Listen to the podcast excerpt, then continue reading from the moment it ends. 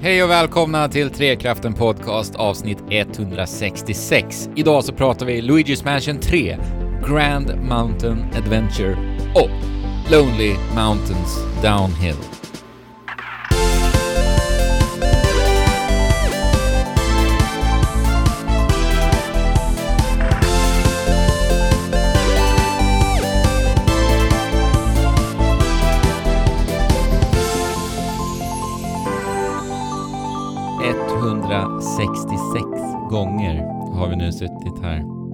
Pratat om tv-spel i denna podcast för våra kära lyssnare. Och det är inte bara jag som har gjort det 166 gånger, utan det är Alex och Fabian som jag har med mig. Hej på er. Exakt. Hej Mer på dig. eller mindre. Jag tror att du har gjort det här 165 gånger ändå. För att när du var borta på hårdrockskonsert här senast, Ja.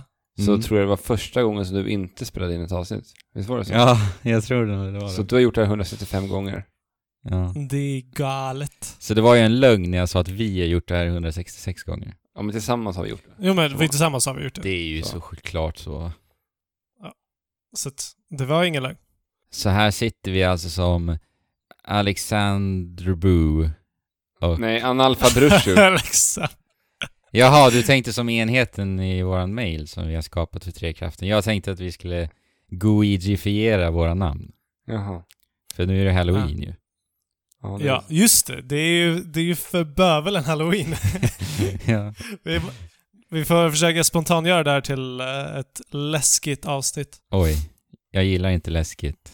Luigi's Mansion till exempel är inte läskigt, men det är ju läskigt. Jo. Det är läskigt Så för att- Luigi i alla fall, minst sagt. Exakt. Mm. Ja men på tal om Luigi Fabian. Hallå?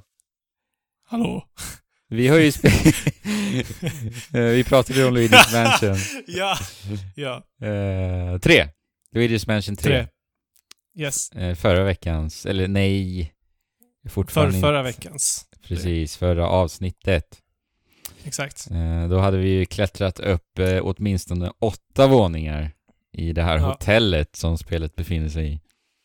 Exakt. Så det är inte ett eh, hemsökt eh, stort eh, mansion längre. Nej, det är ju faktiskt inte. Så att Mm. det, titeln är lite missvisande. Vad skulle du döpa spelet till då? Men det är ju självklart Luigi's eh, Hotel. Och då blir det också det, för, det första spelet i den serien då också. Att det är ett nytt Ja. IP då, som heter Luigi's Hotel istället. Mm. Om, det inte, om man inte vill liksom bygga på det och säga att det är Luigi's Mansion 3, Luigi's Hotel. Ja, eller så skippar man trean och så döper man det till Luigi's Hotel. Alltså det där var ju så förvirrande med tvåan minns jag, för att det hette ju Dark Moon här, va? Ja, ja precis. Och Ja. två Mm. i Luigi's staterna. Mansion 2 ja. staterna. Ja, ja. Det hette inte ens Luigi's Mansion 2 här. nej. Nej. Så att egentligen borde ju det här Ah. vara tvåan i Europa. De Ja, har ju gjort sådana förvirra, förvirra, förvirrande titlar, Nintendo, så här historiskt sett på 90-talet. Då var det ju Ja. bara snurrigt allting. Ja. ja. Final Fantasy har ju lite olika... Ja, just det, det har de. De har ju Numreringar, massa ja. olika förvirrande siffror hit och dit. Och vi är ju inne i ett år utav förvirrande speltitlar. Jag tänker på The Outer Worlds Ja, och jäklar Outer alltså. Wilds. Ah, alltså det, det skedde, Ja. skedde ju en jätteförvirring mellan mig och Andrew här veckan som var. Ja. aha. För det var, alla recensioner för Outer Worlds började komma ut och det är ett spel som eh, vi, Just det. Som jag varit väldigt sugen på, så här, på eh, när det väl eh, började frågas om eh, recensionsexemplar så tackade jag nej, för just då hade jag så här väldigt ont om tid. Mm. Men sen så Mm. fick jag för mig att Andrew hade liksom signat upp sig för, den här, för det här spelet ändå, men då Ja. skedde den här förvirringen för samtidigt så skulle alltså sl- PS4-versionen utav The Outer Wilds komma. Och då ser jag bara så här skickat mail i, i våran gemensamma mailingkorg att Andrew har så här skickat iväg en förfrågan om Outer Worlds läste jag. Men det var ju Outer Wilds, Ah. så jag bara, okej, men jag, jag kanske hittar lite tid för att spela Outer Worlds. Ja. Ja. Men det var ju inte det, utan det var ju Outer Wilds. ja. Alltså jag sitter nu och bara så här dubbelcheckar så att du inte Ja, säger vilket, fel när, vilket. när du berättar Ja. nu också. Men du har, du har sagt rätt nu när du har berättat. Ja, det är ju jätteförvirrande det här. Och det, just nu de släpps samtidigt nu också till PS4 i alla fall. Outer Wilds Ja, släpptes exakt. ju annars i våras. Ja, precis. Så, Jäklar ja. Alex, det märks att du har filat på det här. Nu, nu har du ju verkligen Ja, koll. jäklar ja. Ja. Ja, men det, det gäller att separera de där två, för att det är två väldigt vitt skilda spel ändå. Ja men man, jag vill ju spela båda spelen också. Det är det, och det verkar vara väldigt bra spel båda två. Ja. ja. Men kontentan av det är att för att allting är förvirrat så har vi inte spelat något av dem. Varken Outer Worlds eller Outer Wilds. Istället står man där, mitten är bara förvirrad och... Ja. Exakt. Och, och alla skepp har åkt Ja. redan. Så. Så det är, bara, det är därför, hörni lyssnare, vi inte pratar om de här spelen. Mm. Nej, Outer Wilds ligger på toppen i min backlog faktiskt. Jag ska försöka få tid innan året är slut för det i alla fall. Exakt. Det är ju det här... eh, eh, Det är ett spel som baserar sig lite... Som har lite samma mekanik som uh, Majora's Mask och Mm. ett pusselspel där man Det är typ det jag vet om navigerar sig runt. Jag Ja. vet väldigt Vadå, lite måndag hela veckan-grejen eller? Att den... Mm, Nah, eh, jo. Alltså det är en time loop. Det är ju det som är grejen. Att, eh, att det är en time loop och världen förändras eh, i den här time loopen hela tiden. Så att du måste... Så att Mhm. en, eh, och hela spelet är ett pusselspel. Och en del av pusselmekaniken eh, är då dimensionen tid. Eh, Ja, som får det verka snor nice. Mm, ja, jag, vet, jag har bara blivit väldigt... Eh, vi har ju en, en på vår Discord som har tjatat om det här spelet ända sedan det släpptes. Att tjata på oss att eh, spela det här och verkligen kolla in det här. Ja, det är många på vår Discord som Ändå tjatar har vi inte nu. gjort det. Mm. Och det är flera som har hakat på nu. Ja. Så eh, jag känner väl att jag måste... Vi måste ju, vi måste ju, vi måste ju ha lite solidaritet mot vår Discord-grupp och faktiskt spela det här spelet. Då. ja, men det är Ja. inget snack. Jag, jag ska spela det. Alltså. Och kanske i framtiden lyssna på dem från första början. Fast jag har, to be fair, så har det kommit några skitspel den vägen. Bara för sakens skull. Ja. Ja men, eh, Ja, ska vi hoppa tillbaka till hotellet då? Ja, hotellet. Luigi's Mansions Hotel. Har du klarat av det nu Fabian? Jag har inte klarat av det Nej. än så länge. Jag hade ju klarat av det redan, redan sist. Men nu får jag ju Ja. faktiskt prata om alla våningar. Exakt. Så att eh, du, får väl, du får väl ta över rodlet lite mer. Mm. Eh, som att du vet, vet lite mer. Men jag gissar att liksom hela fundation... Det, det är ingenting som liksom fundamentalt kommer förändras längre fram i spelet. Eller? Nej. Är det en spoiler Eh, att svara på det? Alltså fundamentalt förändras. det, det kan jag väl säga att det inte gör i alla Ja, fall. nej. Det är inte Precis. ofta spel gör det. Nej, Nej, precis. nej Då exakt. hade det ju kanske blivit ett av de mest omskrivna spelen det här året om det som vänder upp och ner på allt. Nej, men, alltså, jag menar ju naturligtvis. Jag menar ju naturligtvis bara en liksom en, åtminstone en stor main-mekanik som introduceras efter Mm. uh, våningen som jag kommer till. Mm. Eller inte. Och jag gissar att det inte gör det, men jag kan inte...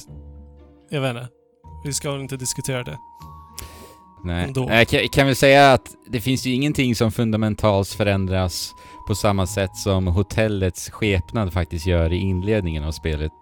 För att eh, när vi beger oss till det här hotellet i den här lilla introsekvensen så ser det ju ut som guld och gröna skogar rent ut sagt.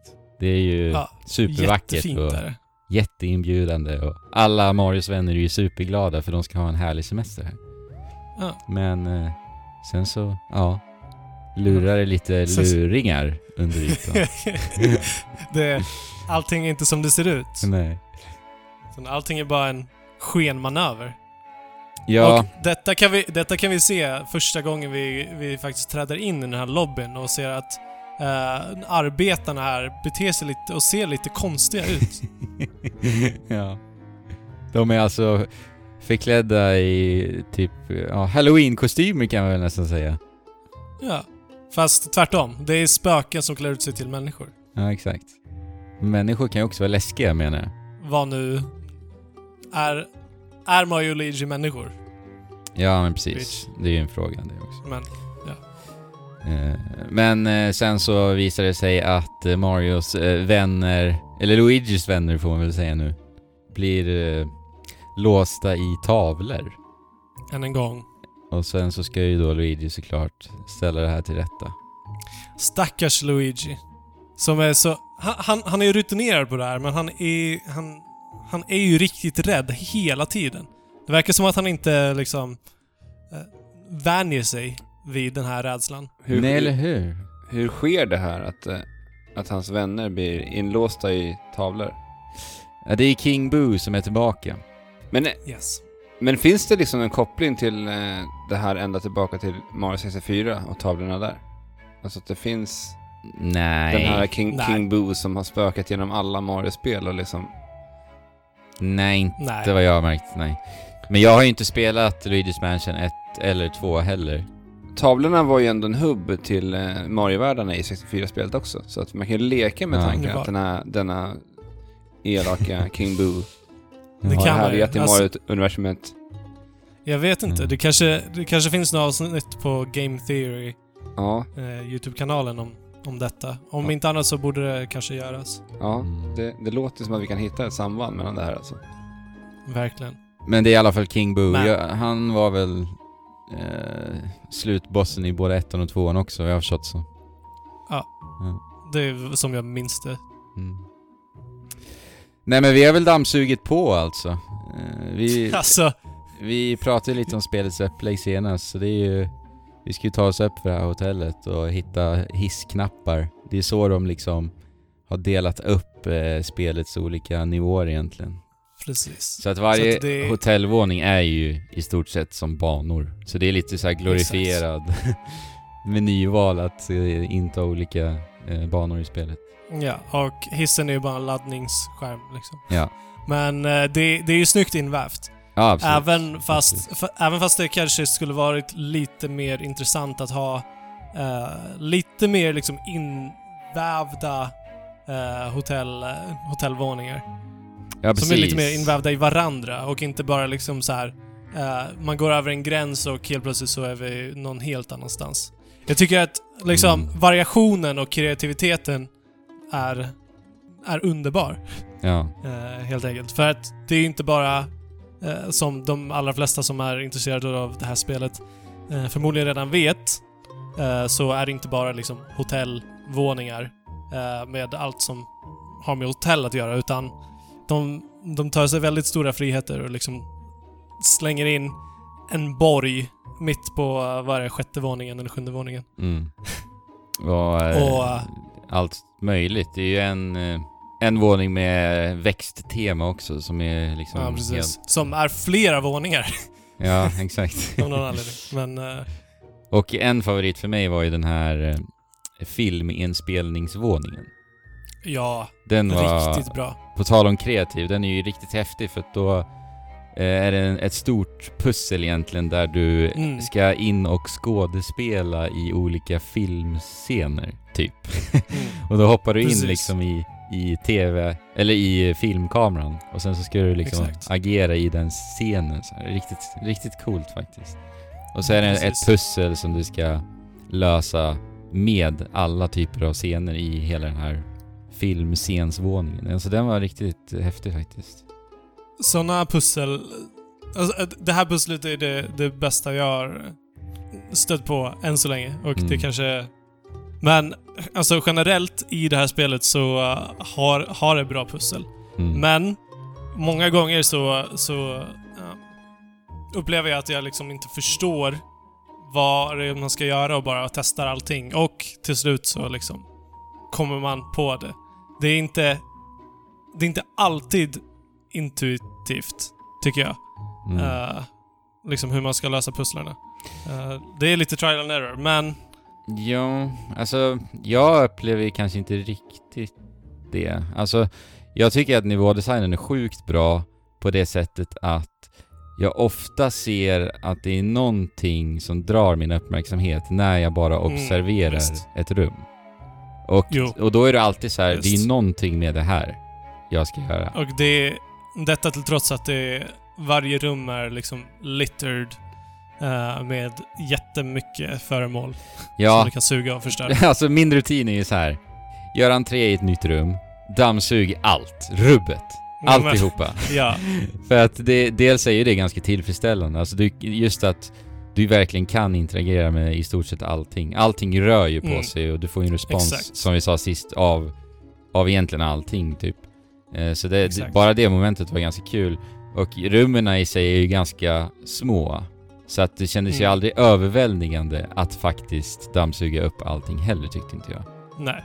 Så att... Och eh, det, det kommer mycket variationer i och med ja, alla olika teman. Precis. Med det sagt så tycker jag att det finns mycket saker som, som liksom guidar ditt öga i nivådesignen och får dig att nyfiket tänka till. Vad ska jag göra här nu? Men sen förstår jag ju vad du menar med att vad du faktiskt ska göra blir lite trial, trial and error. Jo, precis. Det är lite så här, ah, testar hela arsenalen och sen är det någonting som funkar. Ja, exakt. Eh, När du väl fattar att det är någonting som behövs göras liksom. ja, Men, eh, Precis. och ibland är de ju väldigt smarta, typ Exempelvis, eh, det finns ju någon våning som är som ett eh, gym och en simbassäng typ. Eh, och då kommer du till ett litet rum där du ser eh, eh, såna här spring... Eh, vad heter det? Treadmills? Vad heter det på... ja uh, löpband. Löpband. Precis. Eh, såna. Och då är det så här, varför står de här helt tomt? Det måste ju Ja. vara någonting jag ska göra med de här liksom. Och sen så, alltså det är den Ja. typen av design ofta. De, Jo, men de här är ju här. Jag måste, det måste ju vara någonting. och så provar man på lite och jag tycker ofta det, det känns lite klipskt och lite små finurligt liksom när man väl kommer fram till Mm. vad man ska göra. Men eh, sen är det ju också såklart Ja, en hel del återanvändande visuellt språk om man säger så. Alltså till exempel har vi de här eh, gröna lamporna som man ska eh, Ja, blända med sin ficklampa. Alltså de återkommer ju väldigt mycket på sina ställen Fast, och sånt ja. där. Men det, de är ju i princip istället för en knapp som du trycker på. Ja, så, exakt. vilket är väldigt, väldigt tacksamt. Eh, istället för att liksom aktivera, aktivera en mokka-gäng Mm. eh, genom att gå och trycka på en knapp så flashar du bara istället. Mm. Men jag Eh. upplever liksom att det är en ganska bra blandning med lättillgänglighet och en del lite mer komplexa pussel. Eh, speciellt om du ska gå för, efter de här gemsen, som är typ Exakt. samlar, eh, eh, samlar föremål i spelet. Och det är ju de, Exakt. när du går för dem, det är oftast då du får uppleva de, de eh, mest tillfredsställande pusslerna. Det också. Och, och också de mest frustrerande pusslarna naturligtvis eftersom att... Precis. eh, det, som sagt, jag tycker inte att uh, än så länge att pusseldesignen är 100% alla gånger. Nej, men, Men, jag håller med eh, verkligen. Men liksom... I stort så är pusslerna väldigt bra. Ja, Ibland så, ibla- ibland så faller de lite, liksom trippar lite på mållinjen. typ. ja. Men, det, Men, men det är liksom så här. Du upplever ett skitbra pussel, så bara jäklar vad bra det här känns. Exakt. Men sen kommer några pussel efter varandra där, därefter som är lite så halvdana. Då, eh. Ja. Så att jag håller verkligen precis. med. Det är varierad kvalitet faktiskt på eh, pussellösningen. Men det är ju där utmaningen egentligen ligger i spelet. Men exakt. Ja. Och alltså det, det, det, det är det jag gillar mest med det här spelet. Att, eh, att utforska den här fanta- det här fantastiska hotellet som, Mm. eh, som de har byggt. Ja. Som, som har liksom variation variation som vi för jämnan inte ser i spel. Eh, och detaljrikedom som vi för jämnan inte ser. Nej, jag, jag är imponerad av deras eh, artists alltså. Jäklar vad mycket props de har varit tvungna att göra. Ja, För det är, varenda våning är helt unik egentligen, sett till este- Ja. estetiken. Ja. Så det... Och jag gillar också hur spelet använder sig utav speglar och reflektioner. För att alltså, ja. kameran är ju låst eh, alltid. Så att Ja. du tittar in i hotellet likt ett diorama. Så att du liksom se, ser ner på, i rummen på våningarna. Dockhusgrejen. Liksom. ja, det är dockhus. Ja, exakt. Och eh, för att se väggen som kameran är fäst vid så finns det också speglar i djupet som, Exakt. som, du kan, som speglas och så ser du även den dimensionen. Och jag tycker det är väldigt snyggt hur de också leker med det i vissa moment. Mm. Och det ger ett Jo, litet härligt definitivt. djup också. Definitivt. Eh, det, det, det liksom bygger på hela den här känslan av att allting är liksom de, detaljerna. Det, det är det, detaljrikt som bara den. Mm. Verkligen. Men, eh, men du, du sa att du liksom har en rutin när du går in i varje rum och suger upp allting. Ja. Liksom, blev du inte trött på det? Alltså delvis vi- blev jag väl det, men som vi sa så uppdagades det ju nästan alltid någonting lite annorlunda. Det är alltid någonting som de introducerar som man inte har sett tidigare liksom. Så att Jo, eh, för mig men- så höll ändå det alltså. Det gjorde faktiskt det. Och det finns någon slags Jag- utmaning i när du går in och gör det här också, så att du inte bara går in och suger upp allting. Nej, det blir, det är bara eh, lite OCD-eskt nästan. Allt ska bara... Ja, exakt. Exakt, och jag Ja. känner att det är lite, det är lite liksom... Du, du, du agerar... Du agerar st- städare ja. här. Verkligen. Liksom, det är allting... Om du ska ta bort allting, vilket du ofta måste göra för att hitta de här pussellösningarna, eller måste, måste, men det, det är liksom det naturliga sättet att göra. Mm. S- så, så, blir, så blir det lite tradigt. Och eh, som, som eh, reward, som belöning för Ja. det här, så får man ofta sjukt mycket pengar. Det, ja. Och det, det, det känns bara så... För att först så trodde jag att man faktiskt kunde använda pengarna Ja. till någonting. Alltså det är faktiskt jättekonstig design det här tycker jag. Ja. Och för, för som sagt, det ska vara belöningen. Och Mm. du får bara mängder med pengar och det är liksom, det är tillfredsställande när du plockar upp det och åh, där är en pärla som är värd 100 liksom. Ja, Eh, och lite härliga ljudeffekter liksom. ja. Och det här, kän, det här känns bara som ett fult knep att få det att kännas tillfredsställande utan, utan att det faktiskt har någon effekt. Ja. Eftersom att vi inte kan göra någonting. Det, det skulle så lätt kunna vara... De skulle så lätt kunna råda bot på detta genom att liksom göra att du kan köpa användbara saker med Mm. dina pengar. Eller liksom köpa, köpa något galleri eller köpa, jag vet inte. Ja, precis. Någonting så, så, som du kan faktiskt använda din valuta. För att jag håller med dig, alltså det här är en av de största besvikelserna för mig i det här spelet. För att butiken är ju i stort sett helt och hållet obsolet. Det enda du kan köpa Ja. är en, en eh, karta, om man säger, på vart eh, de här gemsen finns och även Mm. eh, booze. Booze. Och booze är också en sån här liten hemlig eh, hemlighet i Collectors. spelet. Ja. Ja. Och det är det du kan köpa och en sån kostar 1000 kronor. Och du, Ja. alltså när Fabian säger här att du samlar på dig hutlöst mycket pengar, alltså vi pratar 60 000 liksom. Ja, Och- det är den summan. Ja. Och eh, som sagt, en sån här som visar vart ett gem existerar kostar 1000 kronor bara. Och jag... Gem, Gem ger dig också mer pengar. Nej, gems är samlar, samlarobjekt Okej. bara. Eh, och jag gick ju för, all, för alla gems. Jag tyckte som sagt det var väldigt kul att upptäcka de här.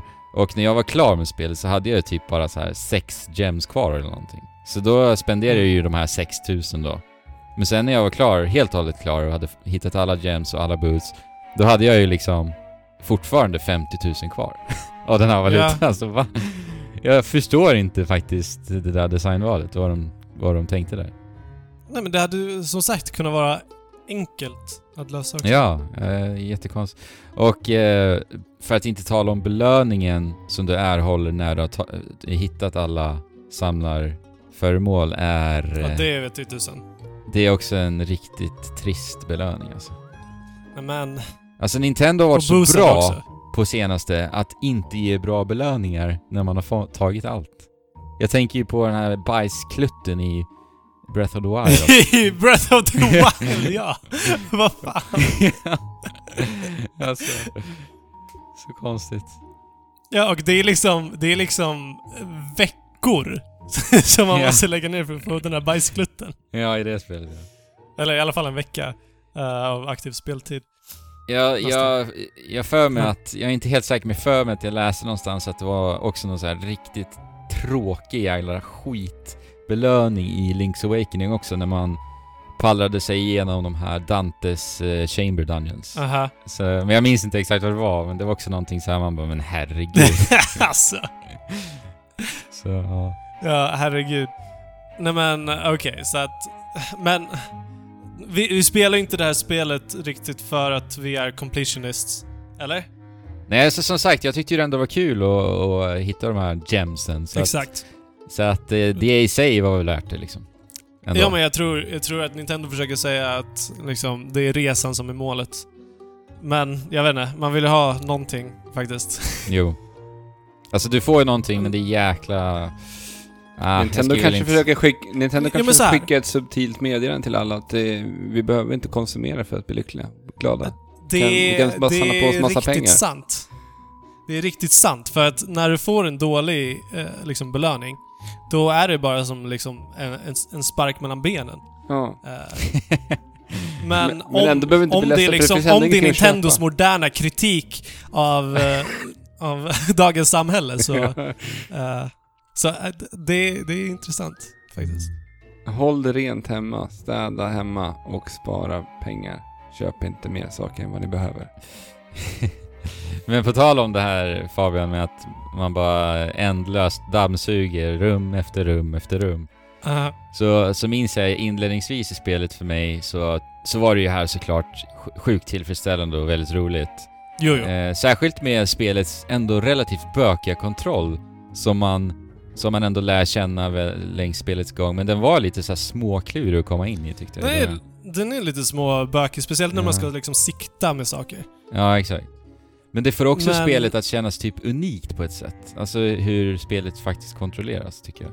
Ja, nej men alltså, det är lite småbökigt men det är ingenting som står i vägen för... Nej, nej, nej, nej. Det, det är ingenting som liksom ger otroligt mycket irritation. Det kanske Nej. är någon liten små irritation här och där när, eh, när liksom ditt sikte hoppar från vägg till vägg när du liksom vill försöka sikta eh, i mitten. Men det är ju också en del av liksom pussellösningen, eller eh, ett sätt att hitta pussellösningen. För Ja, att exakt.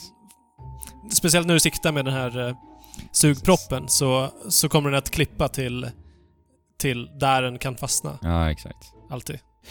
Men Ja. då, då när jag in, i inledningen bara dammsög alltihopa, alltihopa, alltihopa så trodde Ja. jag nästan att spelet skulle spara platserna du hade dammsugit upp.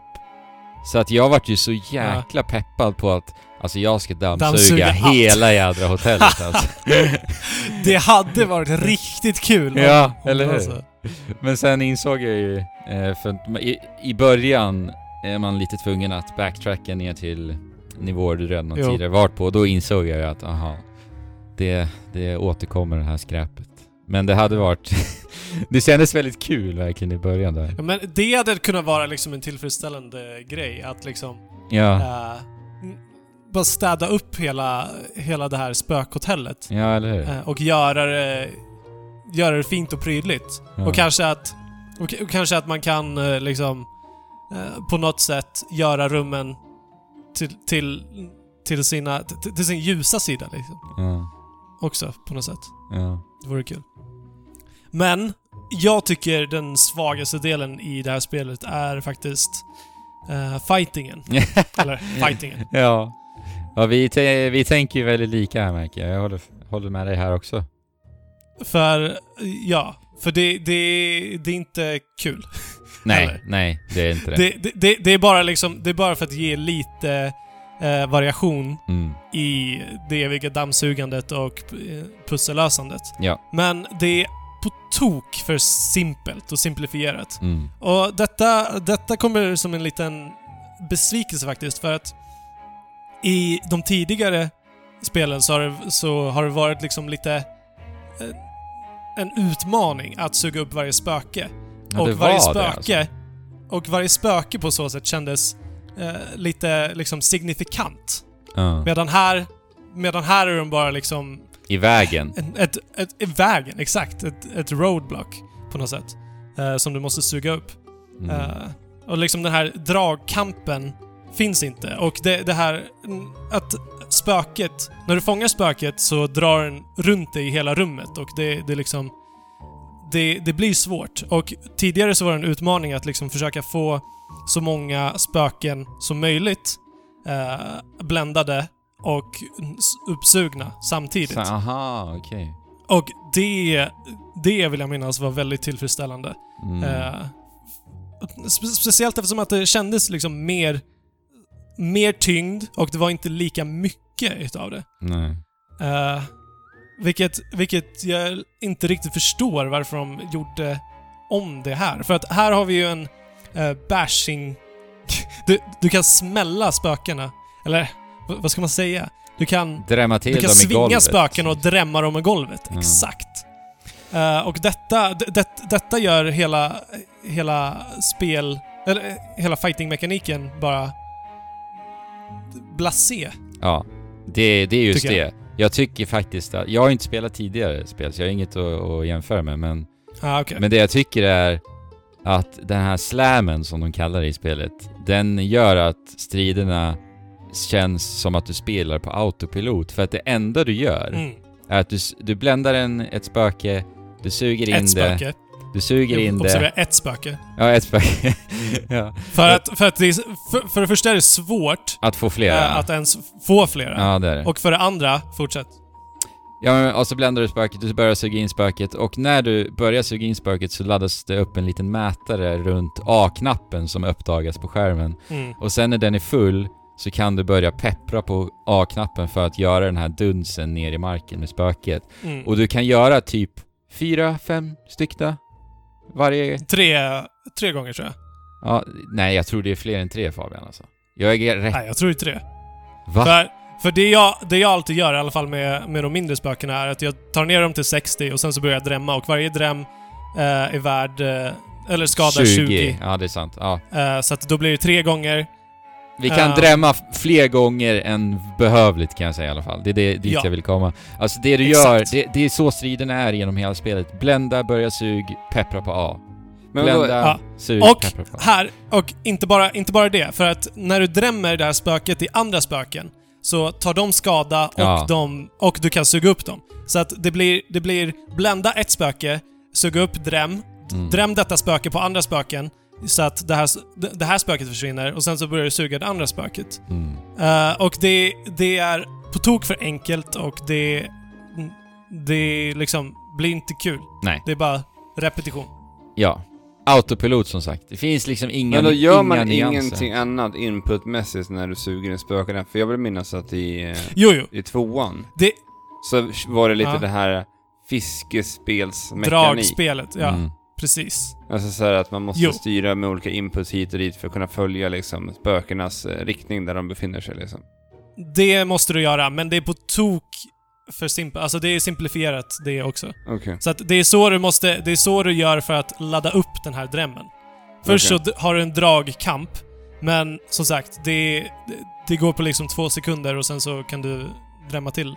Mm. Eh, Alltså grejen är att jag tror att de hade kunnat lösa att striderna blev bra mycket mer intressantare genom att låta slammen till att börja med inte laddas upp så fort som den gör och när, Ja, när du exakt. väl får den så har du kanske bara en. Så att du liksom väljer Ja. ditt tillfälle att använda den. precis. Och liksom positionera dig rätt för att också drämma till ytterligare en annan samtidigt i samma veva. Alltså, det, det hade gjort systemet helt och hållet annorlunda och Ja. kanske till och med liksom lite planerande, lite utmanande exakt.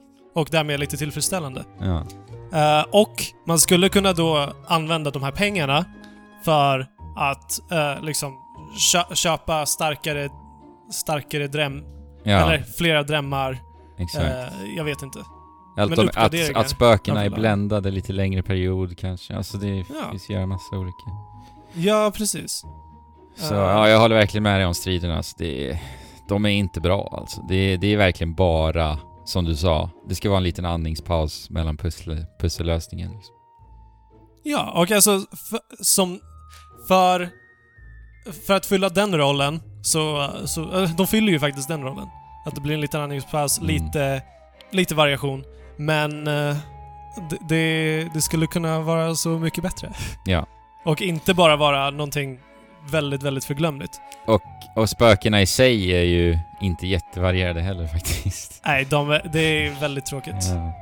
Ja. Ehm, men... Gå, gå från liksom vanliga strider med vanliga spöken till bossstriderna. Mm, Eh, här där har ja. vi däremot någonstans där det här spelet skiner. Ja, verkligen. Det är sjukt jävla kreativa bossar måste man ju säga. Sjukt kreativa bossar. Alla är helt och hållet annorlunda från, Mm. f- från de andra. Och eh, här... Vissa bossar har, har jag behövt klura mig... Klura riktigt mycket för att... Ja, kunna- precis. Det är ju pussel i sig, bossarna. Rörliga pussel egentligen. Ja. Och, ofta, gör de ju så snyggt då att varje nivå i spelet har ju sitt tema som sagt och bossen Mm. utnyttjar ju oftast det du har lärt dig under nivå, eh, våningens tema i bossstriden också så här. Så det är en väldigt snygg, Mm, snygg, snygg upptrappning Ja. också, det är det jag vill säga. I, precis. Ah, ifrån, okej. att du, ifrån att du kommer in i, i, i till våningen till slutbossen. Jo, precis. Och liksom, det är ofta liksom set piece-aktigt att Mm. alla... Att bossarna är... Det är liksom inget spöke. Det, det, det är till exempel en, en, en boss som liksom spelar piano. Eh, och där händer galna saker och liksom... eh, musiken är en del av hela, hela fighten liksom. Mm. Eh, och det, det, ja, men det är setpiece-aktigt helt enkelt. Och här, de här boss, bossarna. Kanske är det så att bossarna, när du suger, när du väl suger in dem, så är de så sega som, som eh, vanliga spöken brukade vara. Okej. Eh, Men även i bossstriderna här så kan vi slamma dem, vilket gör att är liksom, när, du, vä- när du väl har listat ut vad du ska göra så... så peppra på ABBA. exakt. ja. Nej men det är riktigt bra bossar alltså. Sen är inte alla av samma kvalitet, såklart. Nej. Men de som är bra är väldigt, väldigt bra. Men de är väldigt snygga också. Alltså designen på dem och hur de lyser och Mm. är semitransparenta. Och... Men, här har jag också lite... eh, Jag tycker att de går tillbaka lite. Eller, de har naturligtvis ändrat, ändrat på hela, hela designen för att det inte bara är ett mansion som vi Ja. um, utforskar nu. Men här, här ser vi ju väldigt, väldigt fort strukturen. Att du liksom kommer till eh, kommer till en ny våning och sen så löser du lite pussel och sen så kommer en boss. Och sen så kommer du till en ny våning och sen löser du lite pussel och sen kommer en boss. Mm. Och liksom att det repeteras på det sättet. Medan i första Luigi's Mansion så kändes, så kändes allting mer, mer liksom sammanvävt och lite mer oförutsägbart också. Att du liksom... du- Du bara hör att det, det är bebisar som gråter. Och det är lite creepy. Sen så kommer du in till ett rum. Vilket rum som helst. Liksom. Det är inget, det är inget bossrum, det är ingen arena. Och Okej. där har du liksom en bebis... Bebis-boss. Ja, okej. Eh, som, som liksom får får hela upplevelsen att kännas väldigt, väldigt mycket mindre spöklikt. Eh, och som sagt, mer förutsägbart. Ja. Mer äventyr bara. Det, det, jag tycker... Jag tycker det, det förstnämnda, eller det, det som de strukturen som hade tidigare, var mer äventyr. Ja. För att liksom, du, du visste aldrig riktigt vad som skulle gömma sig bakom varje dörr. Medan här vet du mer eller mindre exakt vad som kommer hända. Ja, Eh, det är intressant. Jag har ju som sagt, jag har inte spelat som tidigare spel, så jag är verkligen... För mig ser jag det här bara som ett mysigt eh, Nintendo-spel. Väldigt Ja. klassiskt eh, Nintendo-upplägg liksom. Ändå. Ja men det är det ju. Alltså Ja. upplägget är, Så att det jag, är men bara jag kan ju- upplägget som är annorlunda. Men jag har ju hört en del om hur, eh, framförallt Luigi's Mansion 1 var. Hur, hur, Mm. strukturen var. Och det låter ju verkligen eh, ja, lockande, strukturen var alltså. inte lika... Jag, jag menar Luigi's Mansion 1. Ja, Men exakt. vad sa du? Nej, jag menar bara att det låter ju lockande hur det spelet var Ja. uppbyggt liksom.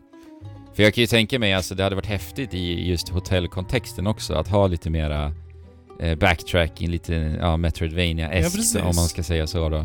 Eh, att, Exakt. att till exempel hotellvåningarna samverkar med varandra så att du kanske måste trigga Exakt. någonting på våningen över dig för att komma åt någonting våningen under. Eller, eller så. Ja. Ja, det... Ja, exakt. Och det, det skulle också kännas naturligt. Men, alltså, vi betalar ju det här priset med att de gör... Eller, jag vet inte. De skulle, lika, de skulle kunna vara lika kreativa och, och varierade eh, rent, eh, rent estetiskt. Och ha samma vävt. Mm. Men jag tror så här, de gick inte in för att göra den typen av upplevelse här. Alltså, och det är ju ganska tydligt att det var så. Ja.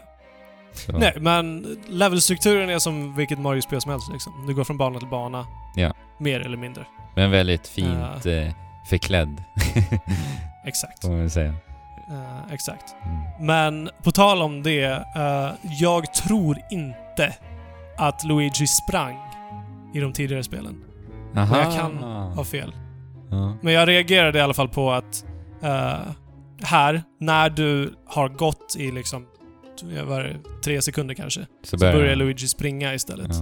Ja. För att han är ju riktigt seg, ja, verkligen. Lugge. Men jag, och springanimationen tycker jag är fantastisk. När han väl börjar Ja, springa. men alla... Ja. Och alltså alla animation... Animationsarbetet i det här spelet är, Ja. är top notch. ja, det är som att titta på en animerad film alltså. Det, det är det. Liksom, allas reaktioner, spökenas reaktioner, liksom... Till och med råttorna när du su- suger in dem, att de så drar sig längs med golvet. Ja, de är så gulliga. Jag vill inte, Ja. jag vill inte suga upp dem när jag ser att de kämpar för livet.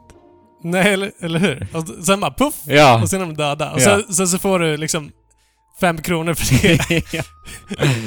Åh, och sen, eh, som vi sa förra veckan, så finns det ju kråkor som är i guld. Och det finns ju också råttor Ja. som är guld. Det är, för mig var det väldigt märkligt i början. Men sen får man ju faktiskt en liten logisk förklaring till varför det är så senare i spelet. Jag tror inte du har kommit dit faktiskt. Ja. Men, Nej, jag har nog inte kommit dit.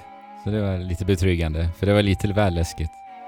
Läskigt. Ja, guldråttor och guldkråkor Ja, alltså. jäklar. Det är läskigt Fy. skit. Guld. O- oförklarliga saker hörni. Det är sånt jag tycker är läskigt.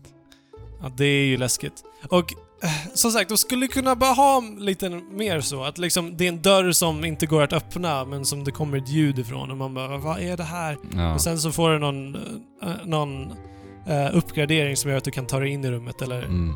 sånt. Och sen Ja, så, det är verkligen det skulle ge liksom, det skulle ge lite det här utforskandet Ja. eh, och, och det här, det här eh, jag ser fram emot att se vad som finns bakom den här dörren. ja.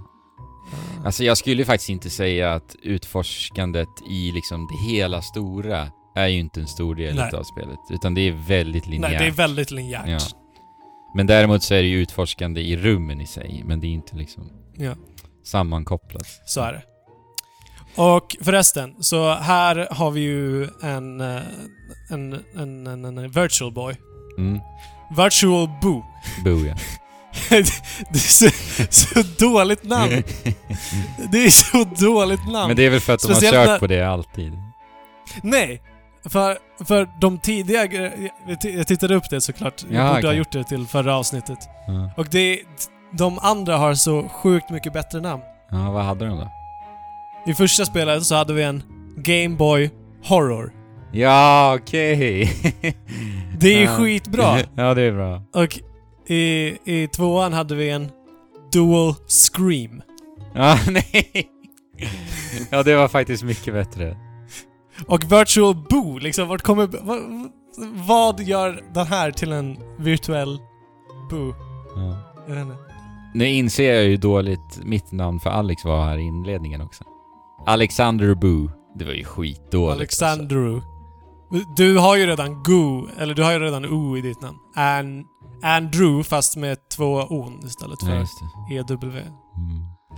Ja, men eh, Guigi pratade vi en hel del om förra veckan. Guigi är definitivt det bästa i det här spelet. Ja, bästa tillskottet. Nej. Även fast jag inte har Bästa spelat de tidigare spelen. Men jag ser ju, och jag har ju spelat och jag har ju känt på Guigi. Han är ju fantastisk. Ja, men det är ju det är liksom pussellösningarna. Ja. Hur, hur de använder Guigi i pussellösningarna och liksom.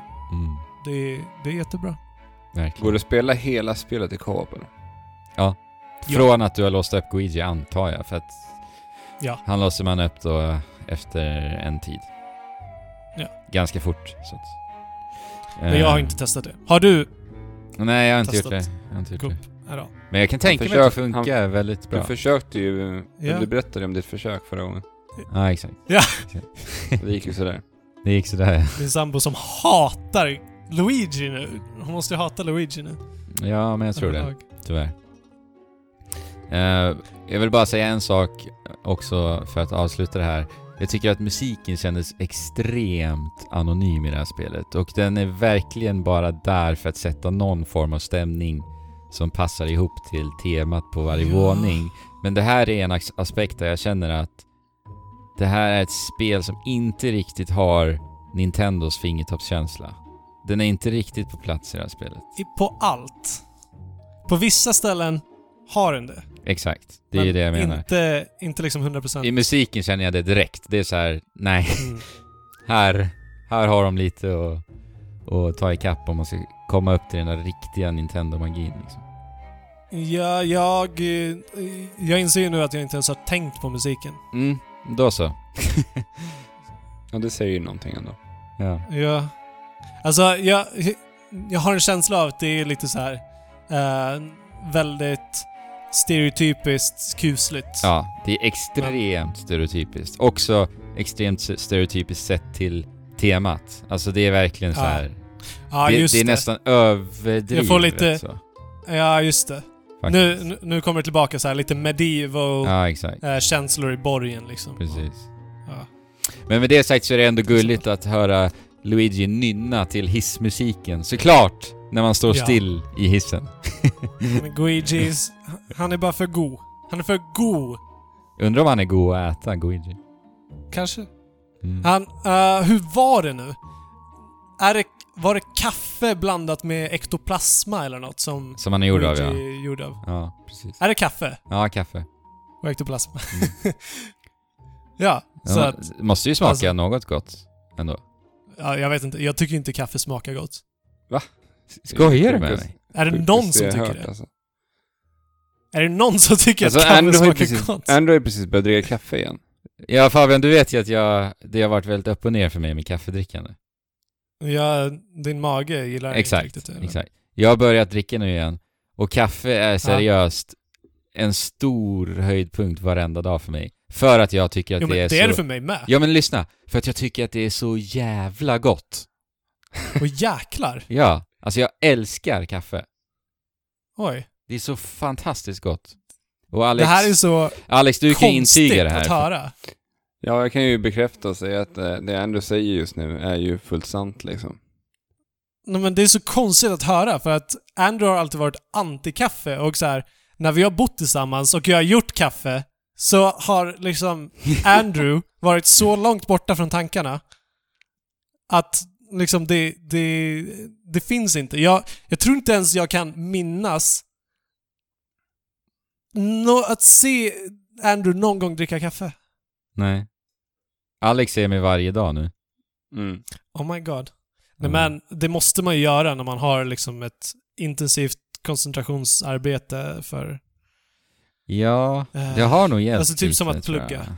Ja. Jag, jag, jag älskar ju kaffe. Eh, och Men inte för att det är gott, Alltså, jag dricker för något helt annat. nej.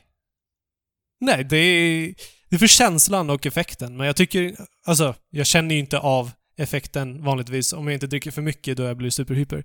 Men Mm. eh, Är de Eh. duktiga på kaffe i Brasilien förresten?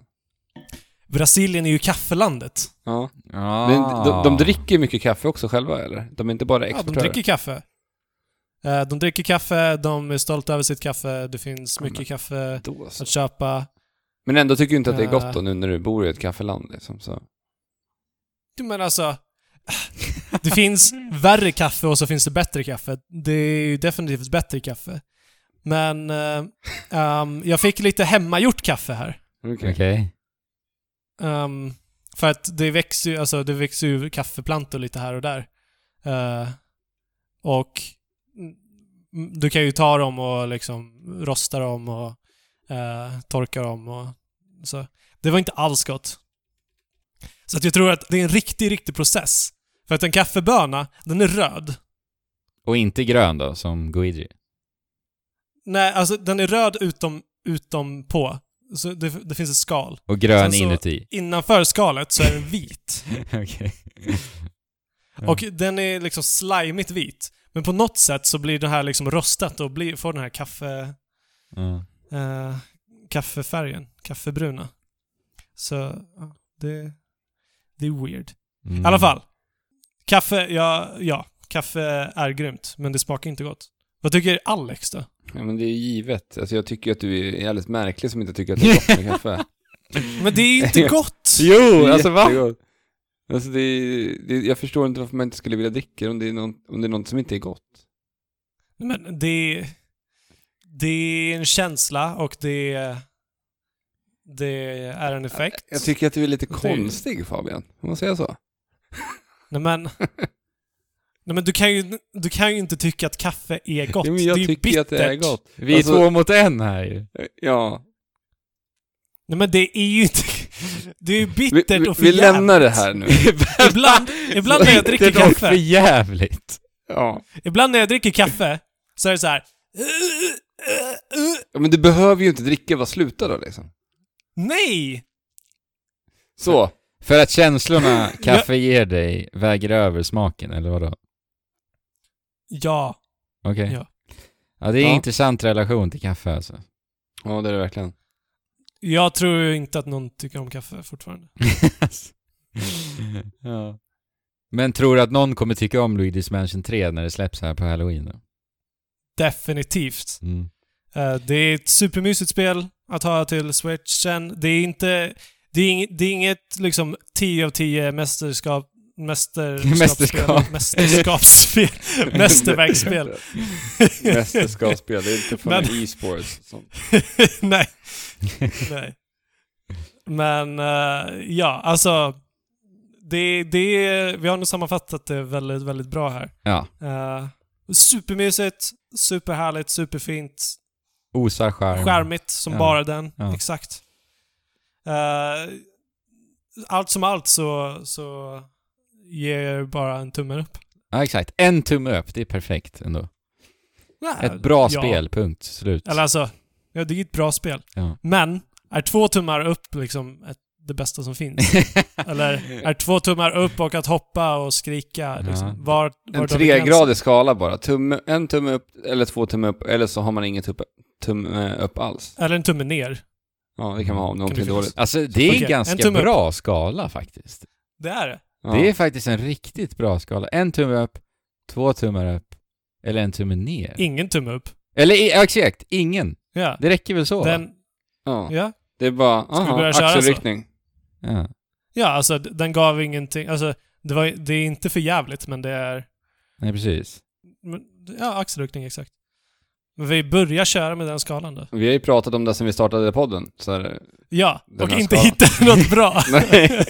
Men vänta nu, det slog mig nu. Har inte P3 Spel haft det här? I deras YouTube-kanal? Kanske. Jag har faktiskt för mig det. Ingen aning. Jag vet inte. Ja, alltså grejen är så här, nu, nu recensionifierade vi vårt Luigi's Mansion 3-snack mer än vad vi har gjort på två år typ. Just för att vi säger, vi säger ju här nu att Luigi's Mansion 3 får en tumme upp. Ja. Utav, ja, ni förstår vad jag vill säga. Eh, vi kanske ska diskutera det här med Jesper, kanske vi kan införa någonting sånt här. Ja. Nej, men, ja. Ja, men, Alltså grejen är, hörni, det här är ingenting revolutionerande på något nej, sätt. men för oss är det. För oss är det det är riktigt bra. För oss För oss är det det. Ja. Men- Vi hade så otroligt mycket så- diskussioner kring den här jävla betygssättningen i början när vi drog igång det här. Vi kom inte fram till någonting Ja. bra. Nej. Ska du Det här- vara mellan 0 och 10 eller ska du vara mellan 0 och 5? ja. Så, så att det här är ju lite groundbreaking för oss alltså ändå. Ja. Vi kan Ja. säga så här, vill ni vara med och påverka det här, anslut er till vår Discord-kanal. Ni hittar länk i beskrivningen till det här avsnittet, så kan vi kanske diskutera lite med lyssnarna också. Ja, det här, detta tumme, Ja. denna tummeskala. Ja. Men jag gillar tummeskalan. Jag gillar Ja. den också. Jag fick en bra känsla av den faktiskt. Men Jag med. Mm. Ja. Jag med. Gött. Det är liksom inte för mycket, men liksom hela gesten säger allt. Ja. Men det gör ju det.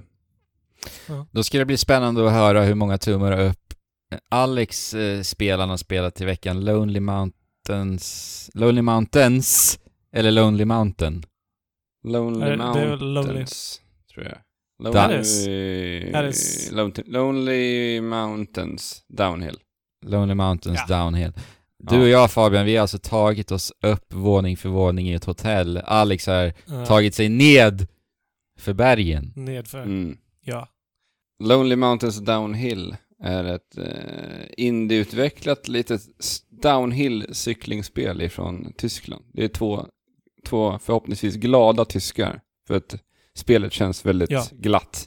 Så att jag misstänker att de här två utvecklarna måste vara väldigt glada. Ja, det, Eh, det är väldigt färgglatt är det ju. Ja, det är väldigt mycket färg. Så att Mm. eh, två stycken som gjort det helt själv på fyra år, vilket är eh, Nice. jättehäftigt.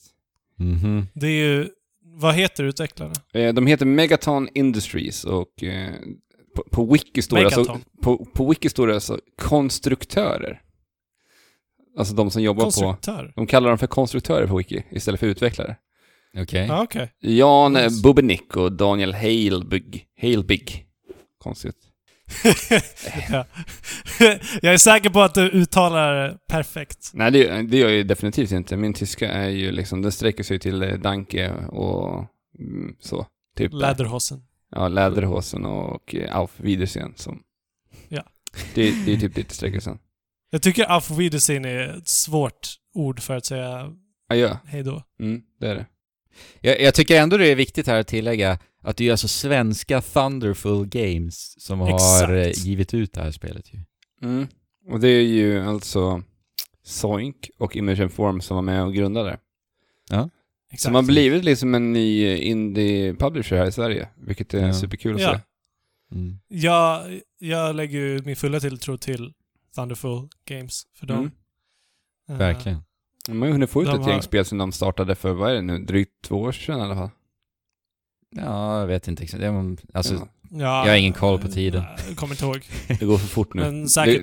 Det, det går alldeles för fort Ja. tiden nu så man hinner inte ens komma ihåg någonting. För mig, för mig så var det liksom nyligen Thunderful kom. typ. Ja, men det, det, har, det är ju ett tag sedan alltså. ja. Ja. Eh, men eh, tillbaka till eh, Lonely Mountains. Alltså downhill-cykling. Det har vi ju inte Ja. spelat så jättemycket av genom åren. Aldrig, tror jag va? Jo, men du har det för att det fanns ett spel till Playstation, typ så här ESPN eh, Downhill sportspel som vi spelade till Playstation på en demo. Ja. Jag kommer inte ihåg hette. Ah, just det. Jag kommer ihåg det nu ja. Man kunde välja mellan cykla, det- det var inte riktigt offroad downhill, men det var ju ändå downhill-backar. Ja, exakt. Okej. Det- det är typ på, det enda jag as- på asfaltsvägar var det också. Ja, och då kunde man ligga på sådana här eh, skateboard som man typ Ja, ligger exakt. ner på istället. Precis.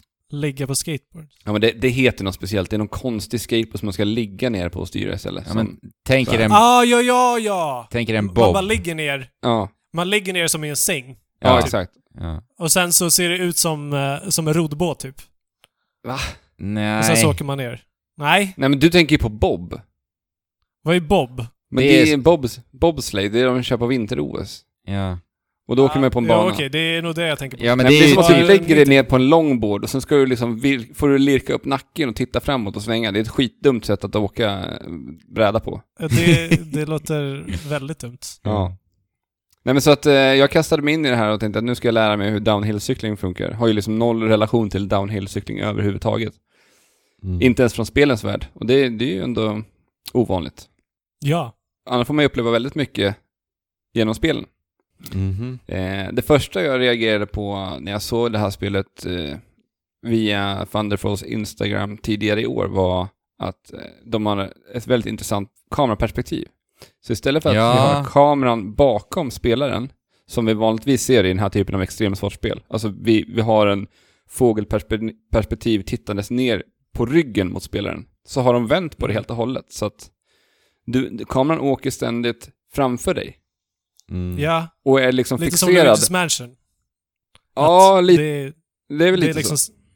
dockhus-perspektivet. Ja, och sen så är den liksom fixerad på ett visst avstånd från spelaren, så den bara liksom följer med spelarens position när man tar sig ner för berget, Mm. i sidleds och neråt liksom.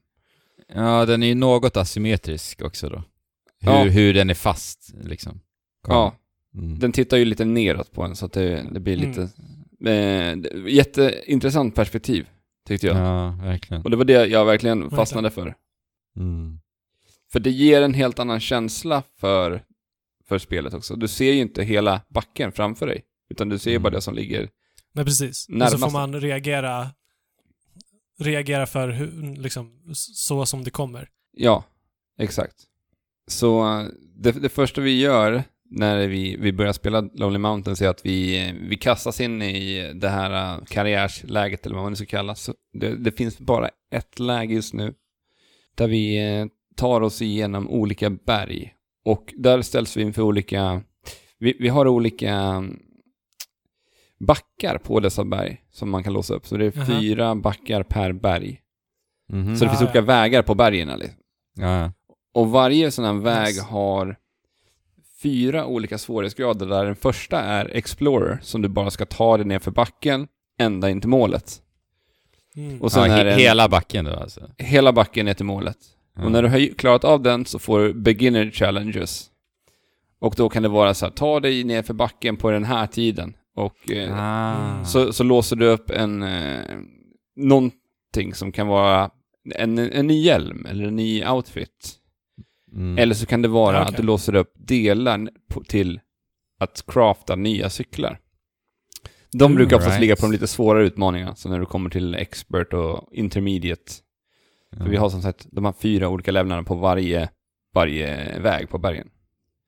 Men spelar det någon roll vad du har för cykel, eller är det bara Eh, De, de har lite olika förmågor beroende på hur de, eh, så här, acceleration och hur de funkar och rullar offroad och sådär. Så det, de skiljer sig lite grann.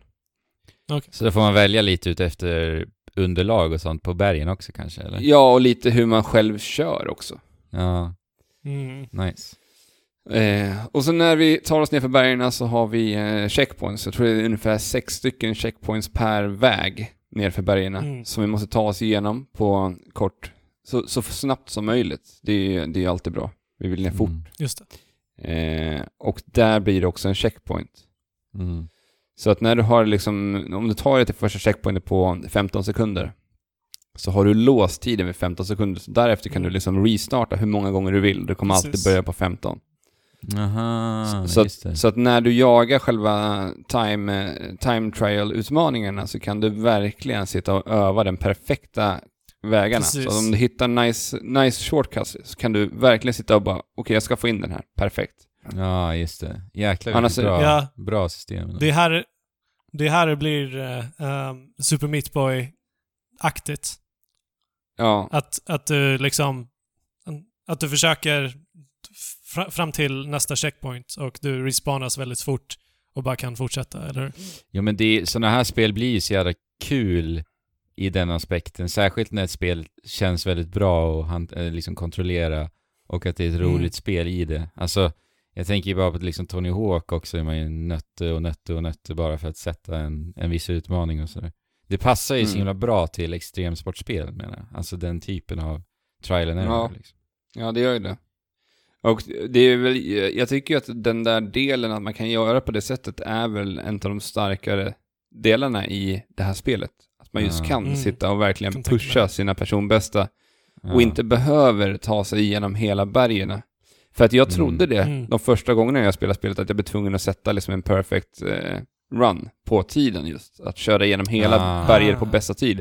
Så att jag gjorde ju det liksom på första liksom, eh, tre Och vägarna. du klarade det eller? Ja, jag klarade dem också. För att Ja, jag, jag, jag nötte dem rätt hårt. Och sen så bara, Mm. men, men vad tusan, tiden, eh, så insåg jag av en slump att tiden bara nollställ, eller att den återställdes till liksom checkpoint-tiden. Så då bara, Mm. Ah. men fan vad nice. Här har jag suttit och slösat bort massa tid på att köra hela bergen. Du måste ha blivit jäkligt duktig dock på, på Ja, alltså spelet. jag- eller? På de banorna. Jo, men jag satt och tränade rätt mycket. Det är, det är relativt enkla banor på första berget. Mm. Mm. Det, det blir mycket mera så här kringelkrokvägar på, det, på de senare bergen när man kommer till. Mm. Så det här är lite mer speed, speedvänliga banor där man verkligen kan ruscha ner mycket snabbare på just första Mm, berget. okej. Mm. Någonting annat som jag bara vrål älskar med Lonely Mountains Downhill, det är ju, de har två kontrollmetoder. En där du kan styra höger och vänster beroende på vad cyklistens höger och vänster är. Ah, ja. Just det. Som i Micro... Micro Machines, typ. Eh, jag kommer inte ihåg hur de spelades. Men, och sen är det bara en där höger och vänster på kontrollen är höger och vänster. Så här klassiskt. Men jag gillar att spela med den här att beroende på vart spelaren cyklar. För det som, Mm. det som blir så häftigt kontrollmässigt med det är att när jag tar mig ner för så här slingriga vägar så blir det att jag liksom följsamt med analogspaken följer med tummen i hur, Precis. s- hur s- Svängen är. svängarna ja. är. Ja. Och det gör en sån jäkla känsla. Ja. Mm. Och drar jag en snabb sväng liksom från, från höger ner till vänster jätte, relativt fort så blir det ju liksom den här skarpa svängen som sker också. Mm. Kontrollen är helt fantastisk på det sättet.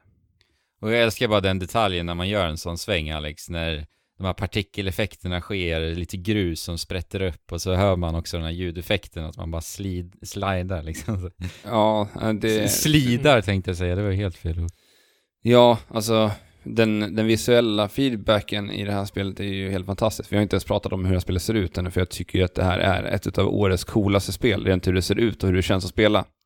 Mm. Eh, jag menar downhill-cykling, vi har low poly-grafik, där allt är väl, alltså det är väldigt low poly. ja. Är, Vi kan ju se polygonerna. Och som Ja. Andrew sa där med partiklarna, partiklarna är ju liksom små kuber som Ja, det är så snyggt. Så att det, det, det, världen är ju så, det funkar så himla bra i världen. Ja. Allting känns så himla enhetligt och snyggt. Och Mm. en annan cool sak med det här spelet, det här är ju ett extremsportspel. Det som brukar vara synonym med, med eh, extremsportspel är ju att ha massa cool musik. Massa cool musik, massa... Alltså allting ska vara coolt medan... Ja, precis. För det, det, det roliga var att i deras release-trailer för Lonely Mountain som de släppte så var det ju liksom så här lite punkigt soundtrack och så man tänkte så här, ja, det kommer vara liksom klassiskt Mm. cool musik i det här spelet. Men istället så har de tagit bort musiken helt och hållet. Och det är bara Nice. ambiensljud ifrån naturen, det är fåglar som, Nice. som kvittrar och det är liksom ljudet av dina pedaler som pumpar och kedjan som liksom slår emot och Det låter helt underbart.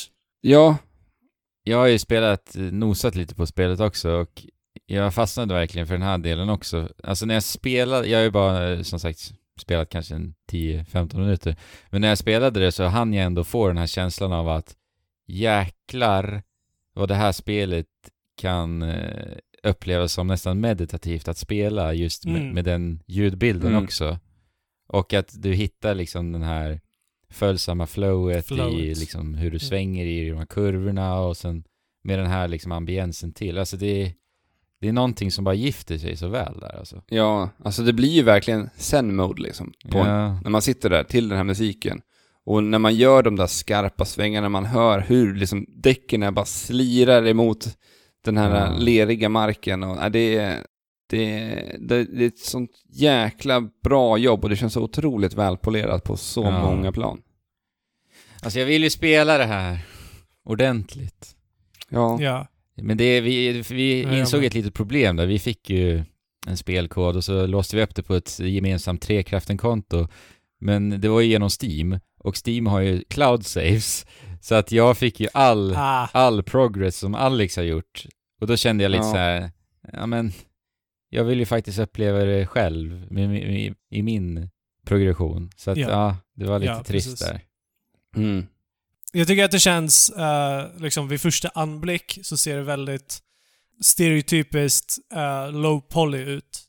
Liksom, det, det ser lite tråkigt ut vid första anblicken, men om man tittar lite liksom närmre på allting så, så uppenbarar sig hela den här fa- fantastiskt eh, välarbetade low poly eh, grafiken som inte alls är stereotypisk, utan som, som gör någonting... Jag vet inte, det, det är någonting med for, alla former eh, och alla färger som, som Mm. ger väldigt, väldigt tillfredsställande porträtt, nej, eh, landskapsmålning nästan. Jag gillar också den här effekten, Link's Awakening-effekten, att eh, de har liksom blurrat lite Mm. i, i bakgrunden och Field lite runt omkring. Depth, eller bokeh som det kallas när man fotograferar. Ja, Att Ja. det är det som är närmast som är fokus. exakt. Riktigt, riktigt nice. Men Alex, jag tänkte på, du pratade om de här eh, banorna på bergen och allt det där. Alltså hur är progressionen sett till när du skiftar berg? Måste du typ klara en, en viss mängd utmaningar på ett berg för att komma till nästa eller liksom hur funkar det? Ja, du har ju dina fyra olika vägar på de här bergen. Så när du är på fjärde och har nått till, eh, du har klarat en expert på den fjärde vägen på berget, så Mm. låser du därefter upp till nästa berget. Okej. Så jag tror man bara behöver typ låsa upp de här vägarna för att låsa upp nästa berg och sen så Mm. fortsätter man. Och det finns ju också en, en um, anledning att gå tillbaka till tidigare berg, för det kan vara vissa utmaningar som kräver en viss cykel. Så du, Jaha, du kan gå till Aha. andra berg för att låsa upp eh, delar till en cykel. Och Som du sen den här behöver. Ja, och sen kan du bygga den här cykeln när du fått alla delar, så får du gå tillbaka till första berget för att du behövde en... ah, eh, okej. Men, men varför? Jag har inte låst upp alla cyklar, så jag vet inte om det kan vara så. Jag berättade med offroad, för jag har sett på banorna att det finns som så här väldigt branta vägar som jag inte kom upp med med min cykel. Ja, Men det- Ah, okej. Så att jag misstänker Ah, så att... att- det är liksom så här brantare vägar, offroad-vägar som gör att jag kan kunna ta mig upp där med andra cyklar. Så att andra Mm. vägar som jag inte kommer åt med min nuvarande cykel. det hade varit Så att det är inte bara så här ett meny... Det är inte bara ett menyval att du så här, nej du måste ha den här cykeln. Tänker jag. Nej, jag, jag, jag, jag har ju som sagt inte låst upp någon cykel ännu för att det är en jäkla lång bit att låsa upp alla dessa cyklar. Det, Jag har Right. så här, kommit halvvägs på en av dem. Mm, okej. Mm. För att det, det, och det är väl en av baksidan med det här spelet. Jag skulle vilja att den där, eh, att låsa upp ens första cykel skulle jag hoppas på att det kommer något tidigare. Jag har ändå spenderat en hel del timmar med det här spelet än så länge. Så att ännu Ja. har jag inte låst upp min första cykel. Kanske vara lite tydligare med den progressionen också då. Ja, för den med- är lite vag som den är just nu. Ja. Alltså det, jag vet, jag kan inte ens se när, så långt, de bergen jag har låst upp än så länge så kan jag, har jag fortfarande inte låst upp min första cykel, vilket är så här, aha. Okej. Mm, okej. Eh, och det är väl en lit- liten baksida med det. Mm. Eh, och sen eh, en annan, när vi ändå pratar baksida så kan vi prata om det som jag upptäckte när jag spelade här under första helgen. Jag vart ju genast supertaggad på att så här, hitta mina egna genvägar. Mm. För det finns någonting eh, som, också, som man också kan hitta på de här vägarna på berget. Som kallas för resting places. Ja, okej. Och det är så här hemliga plats, platser som du kan låsa upp. Eh, och jag ville ju börja leta efter de här platserna. Så att jag började ju åka väldigt offroad. Alltså det vill säga jag tar mig ner för branta berg. Mm.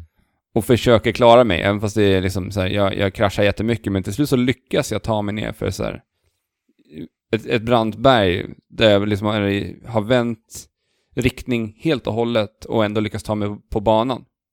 Och vi pratade ju lite om det här liksom, du och jag chattade lite angående det här. Jag minns att du kom in på att du fick känslan av att du nästan bröt spel, förstörde spelet om man säger så. Att det inte var meningen att du kanske skulle åka Ja, det. exakt. Exakt. Och den känslan är ju fantastisk, alltså när spel lyckas att få en att känna det, men att det faktiskt är designat för det redan. Men att det känns som att... Ja, för det var ju precis så jag kände. För det kan vara Mm. så att jag, många gånger när jag startar en ny bana, så istället för att åka i den riktningen som cykeln, cyklisten står riktad då, så vänder jag mig så här 180 grader och åker åt andra hållet. ja. och försöker hitta en backe ner. Och på vissa banor så har jag märkt att så här, ja, men jag kan ju åka ner på det här berget en bra bit om jag tar det lite försiktigt nu. ja. Och hoppa förbi en hel checkpoint och ta Mm. mig fram ännu snabbare än vad jag skulle gjort om jag åkte på den vanliga vägen. Men då visar det sig att spelet funkar så att du måste ta dig igenom alla dessa checkpoints ja. för att låsa upp den nästa checkpointen. Så att de är inte utplacerade från början, utan du måste köra igenom alla de här sex för att kunna ta dig igenom hela banan. Och det tycker jag är en liten brist med spelet. Det känns bara som Ja. en så onödig restriktion. Jag förstår inte liksom varför. Nej, för de kunde lika gärna bara, istället för att de, de kommer fram när man kör igenom dem, så kan alla vara ute och aktiverade och sen bara Exakt. logga Ja. tiden man kör igenom den checkpointen. Oavsett hur jag har tagit mig Precis. dit. Jag vill inte att Ja. spelet ska bry sig om vilka checkpoints jag har åkt igenom. Utan låt mig bara Nej, hitta de precis. galnaste vägarna som går att hitta. Exakt. Ja. För att det, det blir ju, spelet blir ju roligare på det sättet. Ja. Just som du säger, att man, det känns som att man breakar spelet och eh, Mm. man får känna sig lite, lite smart på sin Ja, downhill-cykel exakt. där. Och det är väl lite så man gör när man åker downhill också. Alltså så här, man, man vill väl experimentera och ta vägar som inte är helt avsedda för att cykla på. Och impulsivt Ja, göra det det. också. Så här. Ja. Åh, det här ser kul ut. Spännande ut. Ja, för det, det finns ju många sådana genvägar som är liksom designade för att så här, följas med den här utplaceringen av checkpoints också. Mm. Men sen finns det ju de här vägarna som jag har hittat som är liksom helt off-road. Mm. Men som ändå leder dig in på, på rätt samma väg. Ja, det, det låter verkligen som, som, alltså, bara onödigt. Ja, Men det är kanske, jag vet inte. Finns det någon chans att de patchar ut det? alltså, för min jag skulle bli mycket gladare om, om de gjorde det. För att jag tyckte att det var så jäkla roligt att Mm. bara leta konstiga vägar. Ja, men Och- just eftersom att det går, uppenbarligen. ja. Ja. precis. Nej, förlorad potential. Ja, ja, men det är det faktiskt. Eh, Men annars, alltså jag, jag tycker att det är ett superbra spel annars. Jag tycker att det är kul att se lite andra typer av extremsportspel än det vi har sett genom åren. Ja. Ja. Och det, jag menar, det finns inte ens tricks i spelet. Och då tänkte jag så här, men hur ska det här bli, alltså så här långsiktigt innan jag kastade mig så tänkte jag så här, men hur ska det här kunna hållas och vara roligt och intressant hela tiden när det inte ens finns tricks? För annars är det annars en, en stor behållning med Mm. extremsportspel att vi kan trixa liksom när vi är i luften. Mm. Mm. Men, men det, det lyckas ändå vara intressant och kul. Och det, det är superroligt att spela det här. Och du känner väl att det är du Nice. som blir bättre på spelet liksom? Ja, Det- alltså Ja, precis. otroligt. Det är ju verkligen så. Alltså, Mm. jag lär mig ju att kontrollera min cyklist så Ja. jäkla mycket bättre. Och jag har ju blivit så sjukt mycket bättre nu. För jag menar, det, i början var det ju extremt mycket trial and error för mig. Ja. Där jag bara liksom såhär, det var, det var svårt att ta en skarp sväng. Ja. Jag minns första Jo. banan när de såhär, tutorialbanan, där de såhär introducerar hur det spelas, så hur spelet spelas, så står det så här utmarkerat på banan, tryck så här för att breaka. Eller tryck här för att eh, gasa och tryck här för att eh, accelerera uppfarten. Mm. Men eh, den banan, den racer jag förbi utan att bromsa en enda gång på, utan bara accelerera så fort jag har liksom den powern att lägga på. Mm. Kan ju bränna igenom riktigt fort. Så det finns ju en stor behållning i att känna den där eh, egna utvecklingen hos en själv som spelare. Mm. Ja men det är, det är superkul att se den här typen av eh, kvalitativa och polerade spel ifrån Mm. små indieutvecklare som, som de här. Och det är så härligt fokuserat. Och just för att de har lyckats få det så ändå komplext i hur du hanterar cykeln gör ju också att Ja, när du känner utvecklingen, att du utvecklas, så håller det också i längden. precis. Ja exakt. Och de bästa mekanikerna är ju så. Ja. Simpla, men komplexa. Så hur många, hur, vad händer med tummen? Vad händer med tummen? Men jag, jag ska bara säga en sak till som jag bara har lagt märke till. För att, alltså, som jag sa innan, jag har ju aldrig kört downhill-cykling. Jag har ju, men alla har vi, Nej. man kan ju tänka sig hur det är att köra downhill. Mm. Jo, jag antar det. Och eh, det känns som att det researcharbetet de har gjort på det här spelet är precis den här bilden jag har av vad downhill-cykling är. Alltså så här, Mm. Det ska gå fort ner, vi ska hitta snabba vägar, det är mycket balans. Sådär. För det blir Mm. mycket, många vägar där vi ska Det ta upp på mycket, va? stockar. Stockar och verkligen så här försiktigt ta oss igenom ba banorna och sen är det de här kringelkrokvägarna. Det är Mm. liksom Ja. den här ljudbilden som är helt frånvarande av all musik. Jag kommer verkligen in i den där känslan av att åka downhill. Mm. De säljer din fantasi av downhill? Ja, ja men de gör ju det. Och det, och det, är, det, det är ändå ganska eh, häftigt. Det är imponerande. I sig. Ja, faktiskt. Eh, Ja, men det, det, jag, tror, jag tror ju verkligen att de här har gjort ett sånt eh, jäkla grovjobb när det kommer till sitt research alltså. Och Mm. den, den här kontrollen, bara den kan jag tänka mig att den har de nog suttit och filat på skitlänge. För Ja, att, vad, vad jag sa inledningsvis, det är fyra års utveckling det här. Så Mm. Jo, precis. den har nog genomgått en drös iterationer. Det ser ut som att det här spelet lika gärna skulle kunna bli, vara utvecklat på ett år, men att de ja. har lagt ner den omsorgen, Ja, exakt. eh, det, det reflekteras ju i hur spelet Ja, blev liksom. Exakt, det, det är där det ligger. Och på tal om unikt kontrollschema när vi pratade Luigi's Mansion 3 också. Alltså, jag tycker verkligen att kontrollschemat känns ju, får ju spelet att kännas unikt. Även här liksom. Ja, det gör det verkligen. Det är coolt. Eh, ja, men jag, jag ger Lonely Mountains en tumme upp. Bam! Ja, Nice. men nice. Eh, det här finns Nice. ju ute till PC, Xbox och eh, Playstation 4. Det ska komma till Switch också. Jag tror inte att det har släppts ännu. Nej, det har inte det. det tror inte jag heller. Det Nej, men- vore helt orimligt om de inte släpper ett Switch. Så det ska ju komma, som du Ja. säger. Mm. Alltså, det är Thunderfall också. Ja, exakt. Kanske kör det där då, med tanke på att jag inte får spela på mina egna, egna sparfiler. Alltså det, det hade ju varit så nice att ha Alltså jag, jag, jag har ju som ni vet spelat mycket Apple Arcade på senast. Mm. Jo. Och jag önskar ju lite att det här spelet skulle kunna bara gå... alltså Jag hade velat haft det på en handhållen plattform. Om det är Switch Ja. eller Apple Arcade och bara kunna plocka upp det och snabbt spela det. Ja, Det hade varit perfekt alltså. ja, jag kan tänka mig det alltså. Det var allt för downhill-cykling för i år förmodligen. Nej, Jesper kommer ju, pr- Jesper kommer ju prata downhill också när han kommer tillbaka. Okej. Ja, han verkar ju minst lika, lika positiv som du.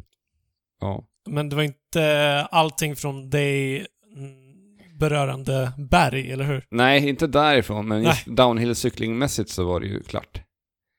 Men om vi lämnar in downhill-cykeln in i förrådet så plockar vi fram skidorna och kastar oss in i Grand Mountain Adventure istället. Det här är ett litet Ah. mobilspel som jag har, har spelat de senaste dagarna. Mhm. På Apple Arcade då eller? Nej, det är inte Apple Arcade faktiskt. Det, jag får tillgång till, be, jag får tillgång till en beta. Spelet är Mm. släppt i, till Android redan. Okej. Och det släpptes här Okej. förra veckan tror jag. Det här är ett svenskutvecklat litet spel förresten. Jaha. Som jag har haft koll på ett bra tag. Eh, men Vad är, har inte... Vilken studio? Alltså jag vet inte vad de heter nu. Eh, det är en. Jag, liten jag har ny... det här. Jag Toppluva. här. Toppluva heter de, kom jag på. Exakt. Ja, ah, vad fint. vad fint. Eh, så att eh, de har utvecklat det här lilla spelet som heter Grand Mountain Adventure. Och det roliga med det här spelet är att jag såg det här spelet innan jag såg Lonely Mountains. Och det de hade gemensamt Aha. var just det här kameraperspektivet. Ah. Så att den följer framför istället för att köra, följ, följer bakom spelaren. Mm. Bara att det här utspelar sig i en skidbacke på skidor. Ja, men det är ju det här Istället. spelet. Jag vet ju vad det här är. Ja. Så att jag, jag har kastat mig in i det här. Jag tyckte att eh, det såg väldigt bra ut och just kameraperspektivet funkar så bra just på mobiltelefon. Mm. Ah. Så att vi åker bara framåt och svänger liksom höger-vänster genom att tappa höger-vänster på, på skärmen. Och trycker vi på Nice. båda samtidigt så, så hoppar vi. Mm. Men är det i porträtt eller landskap? Landskap. Ja. Det, Så du håller den liksom på sid. den håller med Leds. två händer. Ja, exakt. Yes.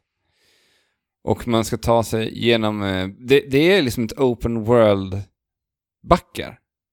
Jaha. Så att man tar sig ner till olika liftar och tar sig uppåt och sen försöker man hitta nya vägar och sen på, på det här berget så ligger det olika utmaningar utplacerade. Och det kan vara allt emot så här racea snabbt här eller här ska du hoppa och trixa.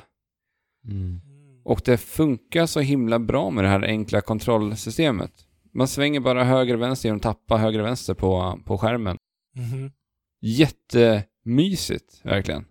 Och på tal om så här tillfredsställande partikeleffekter så är det ju också så himla fint hur snön bara skjutsas upp i svängarna utav skidorna och även hur spåren så snyggt syns. Och de har Ja, väldigt... de ligger kvar. Det, Ja, det är mycket exakt. så här detaljer som är så otroligt snyggt i det här spelet. Ja, och de har gjort en, ett så bra jobb med just att få spåren att poppa väldigt tydligt för de har väldigt så här, tydliga skuggor på spåren också. Så man ser dem väldigt Mm. tydligt även på mobilskärmen liksom. Mm. Och det ser bara så snyggt ut. Och det där blir också en sån här stor del, för det finns delar av berget som är off-pist-delar. Och där Ja. blir det ännu right. tydligare, just de här spåren av skidorna. Ja, just det. Mm. Så det blir liksom ännu djupare spår. På tal om spår, använder de spår typ för att vägleda lite också? För att jag tittar lite på videos nu och då ser Jo, man, man ser alltid det- spår framför sig typ. Just vid, eh, uppe vid liftarna så är det väldigt mycket spår. Och jag tror att där används de för att visa lite potentiellt vart det skulle kunna finnas eh, olika utmaningar. Ja. Mm. För att du, eftersom att du får den här, eh, det, det är svårt att utforska om du inte, eh, om du har kameran i det perspektivet som den är, alltså framifrån Mm. spelaren. Så är det ju Mm. lite svårt. Sen har de också, är du tillräckligt nära en utmaning så kommer det, så uppdagas det en liten pil ifrån spelaren som är en så här, en, en transparent pil som pekar åt vilken riktning det ligger en, ja, just en det. utmaning. Mm. Och sen kommer du också kunna, när, när, du har, när du har upptäckt den så kommer den också kunna synas på så här, bergskartan. Så då kan man trycka upp en bergskarta och se vart på kartan ligger den här. Och Mm. så ser man också Mm. liftarna som man har låst upp vart de ligger. Mm. Så då kan man ju planera sin lilla rutt och åka upp i mittliften för att utmaningen ligger vänster om den liften. Så kan man planera sin lilla rutt Sweet. hela tiden hur man åker runt på det här stora berget. Ja, det Det- ser ut att göra sig väldigt bra på mobilen alltså. Ja, men jag tycker att det är supertrevligt och precis som, som eh, Lonely Mountains, det här eh, meditativa spelet så funkar det här precis lika bra på, på det sättet. Mm. Mm. Har det musik? Ja, de, eh, inte när man kör fritt i berget, men när, när man går in i utmaningar så har de en riktigt härlig, härliga, vad heter det, så här, bara elektronisk musik som ligger i bakgrunden och bara är Ja, riktigt cool musik. mysig. Cool extremmusik. Eller nej? Nej, inte extrem musik, utan det är ganska ja, så här, härlig, avkopplande elektronisk musik. Okej. Och när man kör just slalomloppen, för det var någonting, någonting jag reagerade på väldigt mycket. När man körde slalom och ska ta sig igenom de här portarna, så var det, när man tog varje sån här port, så lägger de på ett ytterligare lager i musiken som bara ger en Aha. ännu mer dynamik. Okej. Just när man triggar dem så händer det någonting jävligt coolt med musiken som får det här att kännas ännu häftigare. Den här feedbacken liksom. Att man faktiskt gör någonting bra. Mm. Så det här är, i gratisversionen som finns ute nu till Android, finns inte till iOS ännu, så får man ett berg gratis. Och resten av Okej. bergen får man låsa upp för en summa. Så det är inga mikrotransaktioner i det här spelet. All Ja, right. men nice. Utan man låser upp hela Men- berg istället. Så för er som är nyfikna... Vänta, du låser upp berg? Ja, Du genom kan att inte köpa betala. hela spelet? Genom att köpa så kan du låsa upp de andra bergen liksom. Så du kan Ja, fortsätta men du spela. kan inte köpa hela spelet för en summa. Jo, men det är det du gör. Alltså, du köper spelet för en summa, men du har ett gratis berg att spela på. Men när du betalar så låser du upp hela spelet med alla berg. Ja, okej. Är du med? Vet du vad det kostar? Jag tror det var 60 kronor på Android och sånt där. Okej. Det var ingen jättesumma, men eh, då har man ju hela spelet och inga, Ja, inga mikrotransaktioner. Det låter ju Det är verkligen... ju skönt att se Ja, att vi är på väg mot den framtiden ändå, på mobiltelefonspelandet. Ja, Åtminstone det inte mikrotransaktioner utan snarare då prenumerationstjänster. ja. ja. Men det är bra mycket bättre. Det är det. Men eh, det, det är på väg det här till iOS också. Jag vet dock inte när det kommer. Det här är som sagt en beta jag fick tillgång till här i helgen. Mm. Så, mm. Ja, men på tal om prenumerationstjänster så lanserar ju Apple sin eh, prenumerationstjänst, eh, st- streaming, eh, tv-serier på mån, fredag och, Gjorde eh, de? och Disney Plus släpps ju också om typ en eller två veckor eller vad det är nu här i USA. det, det kommer ju snart, Oh my ja. god. Så det är mycket nu alltså. ja. och mer kommer det säkert bli. Alltså det är helt sjukt alltså vad mycket tv-serier det kommer vara i framtiden alltså. Med alla Ja. dessa tjänster. Ja, det är helt galet. Men det, ja, jag vet inte. Alltså, det är just att man måste betala för alla om man vill, om man vill se allt. Eller- Eller jag menar, det kan vara en serie liksom där, det kan vara en serie där, och då måste du betala två serier. Ja, lyckligtvis Eller kan man ju dela med familjer i alla fall. Så det... Men vi får ju se hur länge man kan göra det men- i och för sig. Ja. Mm. Men Alex, har du några tummar att dela ut åt eh, Ground, vad heter det här nu? Mountain? Grand, Grand Mountain Mountain Adventure. Adventure. Alltså det här är ju bara en beta, jag har eh, bara Just kunnat det, spela det. liksom det här berget så att jag kan ju bara, jag kan ju ge en glad mun till den här. Så det, Ja. det kan vara våra Ja, preview det. liksom. Ja, exakt. Ja. Preview. Eh, ja. Ja, men nice. Då har vi varit i både berg, två berg och ett hotell i det här avsnittet. Ja, men annars avsnittet blev ju inte så kusligt. Eller halloween-tematiskt. Nej, det får ni, eller kusligt. det får ni se till att sköta själva, ni som lyssnar. Helt enkelt. Kanske titta Ja. på en Okej. läskig skräckfilm på Netflix eller på Amazon Prime eller på Fan vad vi var TV sponsrade Plus. nu alltså. Nu ska vi göra reklam för alla. Ja. ja. Eh, ja. Har ni några halloween-planer? ja, jag ska på halloweenfest faktiskt. Ska, jag ska klä ut... Vad har det för tema? Eh, mm, mm, eh, typ eh, astronomi tror jag var. Astronomi? Ja, så då ska jag... det är ju läskigt. Jag ska ju klä ut mig till eh, mitt stjärntecken. Tänkte jag. Okej. Mm. Vilket är? Lejon! Lejon? Mm. Så att eh, det blir det. Har ni några planer eller? Ja, ska på... Jag ska på någon urgammal gothklubb här i Sao Paulo. Åh jäklar. eh, Som Mm. har någon... Låter lite någon obehagligt. Halloween. Ja, Kanske ha så här sjuka, ja o- det obehagliga, kommer nog vara obehagligt. eh, obehagliga ritualer och sånt där. Ja, Kanske det. Vem vet? Vi Spännande. får återkomma om det där alltså. Men alltså det är ju halloween och det ska ju vara lite obehagligt och kusligt och... Ja. Mm. Jag inte. Spännande. Ja. Du då Alex? Nej, jag har ju inte en enda plan egentligen just nu. Nej. Det är sällan jag gör halloween-saker på halloween alltså. Ja. Men i år... I Sverige så är det ju inte så liksom... Det är ju inte en grej som det är i till exempel staterna. Nej. Så är det. ju. Eh, men eh, det är ju alltid kul Men... att eh, göra någonting. Men vi ska inte spela några läskiga spel eller så.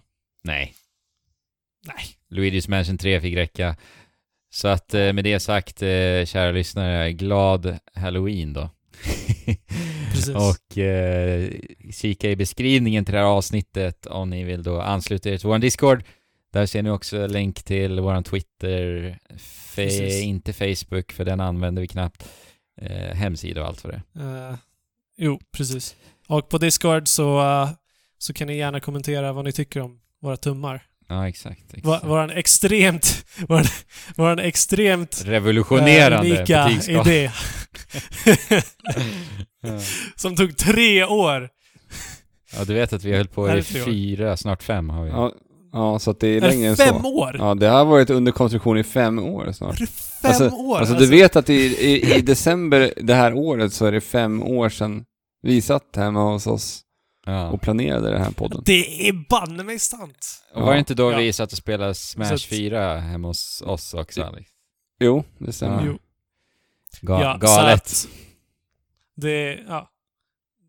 Fem års, fem, fem års bakande, Ja. Ja. denna idé. Och nu har vi kanske, kanske den, den ultimata betygsskalan klar. Kanske det. Den perfekta för oss åtminstone. Men, Ja. det, men det, vis, det visar ju bara på hur mycket vi har övervägt och Ja, exakt. grumlat. Ja. Så med det sagt allihopa, spela på och chip! Tjola.